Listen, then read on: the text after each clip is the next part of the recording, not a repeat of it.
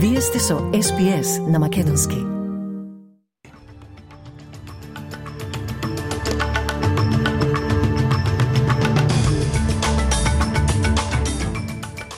А од денешниот билтен вести издвојуваме. Полицијата соопшти дека пукањето во Прага не е поврзано со екстремизам.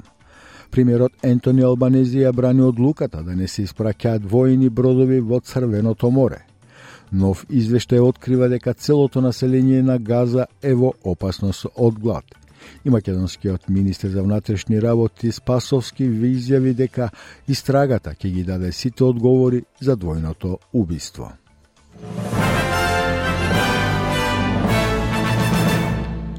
Вооружен маж уби најмалку 14 лица, а тешко рани 24 други на универзитет во Прага. Полицијата соопшти дека напаѓачот бил студент на универзитетот, а неговиот татко е пронајден мртов во блиското село. Чешката полиција соопшти дека реагирала на пукањето на Карлови универзитетот пред да пријави дека напаѓачот бил елиминиран. Министерот за внатрешни работи Вит Ракусан вели дека истражителите не се сомневаат дека има поврзаност со која било екстремистичка идеологија или група. Čovjek očevidec i izjavi.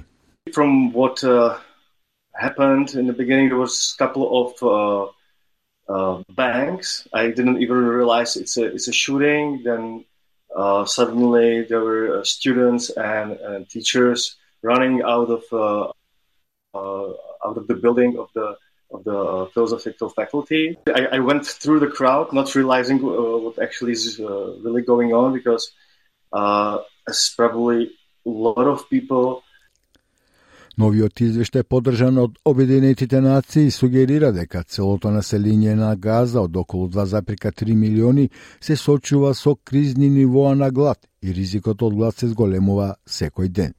Тој откри дека процентот на домакинства во Газа погодени од високи нивоа на акутна несигурност во исхраната е најголемиот досега, забележан на глобално ниво. Камионите што носат помош од Египет доставија храна, вода и лекови, но Обединетите нации велат дека количината на храна е само 10% од потребната. Главниот економист на Светската програма за храна, Ариф Хусейн, вели дека на луѓето во Газа им треба речиси се што имаат да понудат хуманитарните агенции.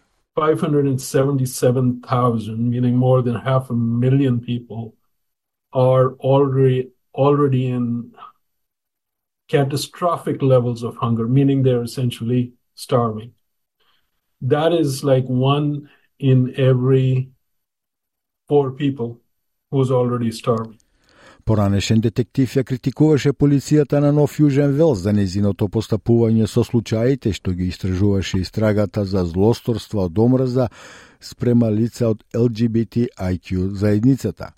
Специјалната истражна комисија го објави својот конечен извештај откако помина 18 месеци во истрага на сомнителни смртни случаи или нерасчистени убиства помеѓу 1970 и 2010 година. Комесарот за правда Џон Сакар даде 19 препораки, вклучително и барање за нови истраги за смртта на неколку мажи. Тој ја повика полицијата на Нов Јужен Велс да размисли за извинување спрема LGBTIQ заедницата. Поранешниот детектив Данкан Мекнап изјави за ABC дека јавноста заслужува подобро да биде информирана. The victims of crime most certainly deserve a better job. And the New South Wales Police Force, you know, the hard-working people that turn up every day in one of the toughest jobs around, also need to know that their senior management give a damn and are fixing problems. Австралија ќе испрати до 16 одбранбени сили на Блискиот исток во текот на следната година, но нема да испрати воени бродови. Соединетите Американски држави побараа помош по нападот на бунтовниците хути врз комерцијалните бродови кои патуваат низ Црвеното море. Но господин Албанезе изјави за ABC наместо а Австралија наместо тоа сега се фокусира на регионот во Пацификот. We continue to cooperate and we contribute to the maritime operation. We have uh, personnel in Bahrain at, at the headquarters, and we continue to make that contribution. But we also of course, uh, prioritise our region, and the United States certainly uh, understands that. Луѓето погодени од поранешниот тропски циклон Джаспер во Северен Квизланд сега може да аплицираат за владина помош. Исплатата од катастрофи е еднократна исплата од 1000 долари по возрастно лице и 400 долари по квалификувано дете кое претрпело значителна загуба како резултат на поплавите. Подрачните области на локалниот совет ги вклучуваат Кернс, Мареба, Тейблендс и Буџал Буџал. Министерот за управување со вонредни состави Маре изјави за ABC дека помош на приходите исто така ќе биде достапна. What we know is that there are a lot of areas that are cut off at the moment as well. And there'll be an income support payment available for people who can't get to work or can't get to their business of up to 13 weeks at the job seeker level. So that builds on the earlier assistance yeah. we've provided, but there's that, they'll be available from 2 p.m. today. Наспроти обвинувањата од страна на македонската опозиција дека полицијата не постапила по пријавата за исчезнатиот Велешенец Панче Жежовски, министерот за внатрешни работи Оливер Спасовски вчера на пресконференција рече дека сите мерки биле преземени, а деталите ќе бидат откриени со истрагата. Министерот не одговори дали се точни информациите од опозицијата дека возилото на Велешанецот се движело низ Скопската населба Маđари и било регистрирано од камерите на Safe City. Прво ги дадов сите одговори на овие а, прашања и тие одговори се сосема во спротивно со сите шпекулации кои што се шират во јавност. Така да апелирам сите информации да ги добивате од изворите кои што се веродостојни во овој дел, а спекулациите кои што ги шират во јавност, било кој да е тоа, не одговараат со, со вистината и не помагаат, туку напротив одмагаат на, на целиот тој процес. Инако извештајот од судската медицина, кој е еден од клучните докази, се уште не е доставен до обвинителството. Федералната влада се најде на удар на опозицијата затоа што не бараше продолжување на наредбата за притвор што ќе го задржи осудениот терорист Абдул Бенбрика за дрешетки, по две децени минати во затвор. Бенбрика, кој беше осуден за заговор за минирање на MCG во 2005 година, сега е слободен човек. Неговото ослободување дојде откако судијката Елизабет Холингворд пресуди во Викторискиот врховен суд дека тој ќе биде подложен на строги услови. Заменик лидерката на опозицијата Сузан Лей остро го критикуваше справувањето со ситуацијата од страна на владата. This is not good enough. It's not good enough that the Prime Minister cannot reassure Australians about their safety in the lead up to Christmas. We lock the terrorists up, Labor lets them out. Премиерот на Нов Зеланд, Крис Луксон, вели дека неговата земја има интерес евентуално да се приклучи на Австралија во одбрамбената алијанса ОУКУС.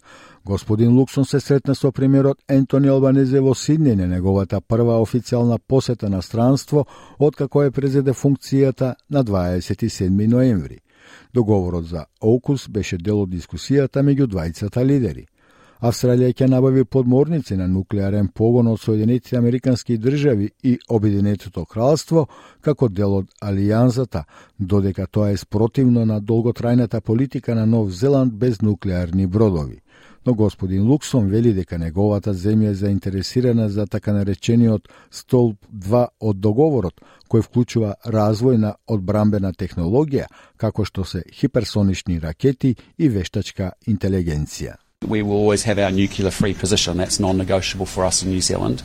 But we already have our navies that work together in an incredibly uh, interoperable way, and we want to see more interoperability, frankly, between our respective defence forces. So, from my point of view, we are interested in exploring uh, Pillar 2, particularly in AUKUS, and the new technologies and what that. Експертите за ментално здравје ги советуваат жителите да ги проверат своите соседи оваа празнична сезона поради очекуваниот пораст на осаменост, тага и стрес. New South Wales Health препорачува да вложите дополнителен напор со луѓе кои може би живеат сами, кои се ужалени или кои се одвоени од семејството. Главниот психијатар доктор Мари Рајт рече дека празничната сезона не е радосна прилика за сите. Тој вели дека малите пријателски гестови можат многу да им помогнат на оние кои се соочуваат со осаменост или проблеми со менталното здравје.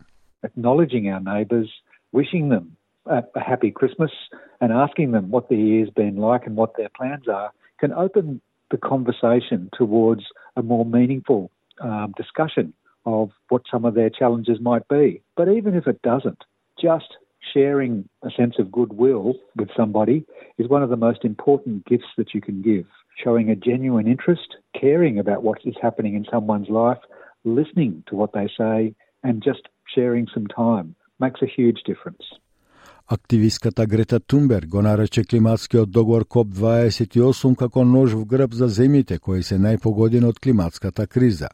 Рече си 200 земји се согласија на самитот во Дубај да започнат со намалување на глобалната потрошувачка на фосилни горива и да усвојат низа мерки, вклучително и повеќе производство на чиста енергија, за да се избегнат најлошите ефекти од климатските промени но критичарите велат дека договорот нема да ги спречи глобалните температури да се зголемат за повеќе од 1,5 Целзиусов степен над пред индустријскиот просек, што според научниците ќе предизвика катастрофални и неповратни влијанија од топењето на ледените плочи до колапсот на океанските струи.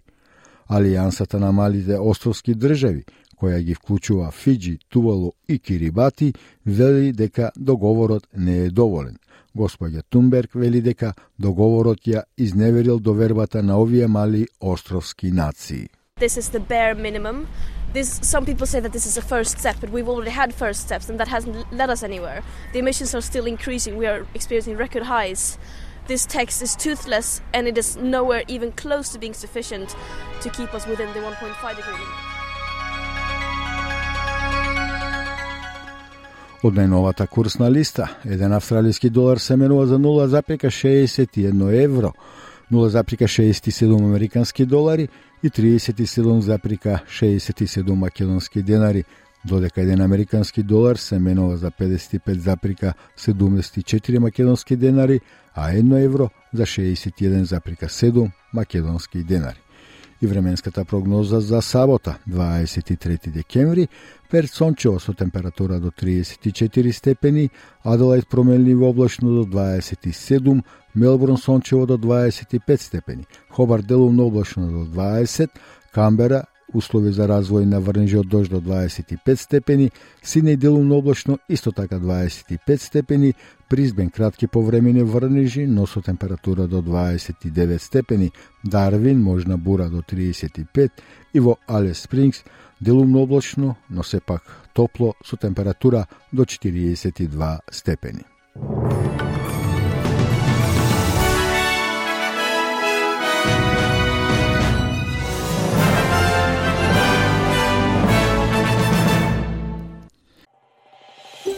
Сакате ли да чуете повеќе прилози како овој? Слушате подкаст преку Apple Podcasts, Google Podcasts, Spotify или од каде и да ги добивате вашите подкасти.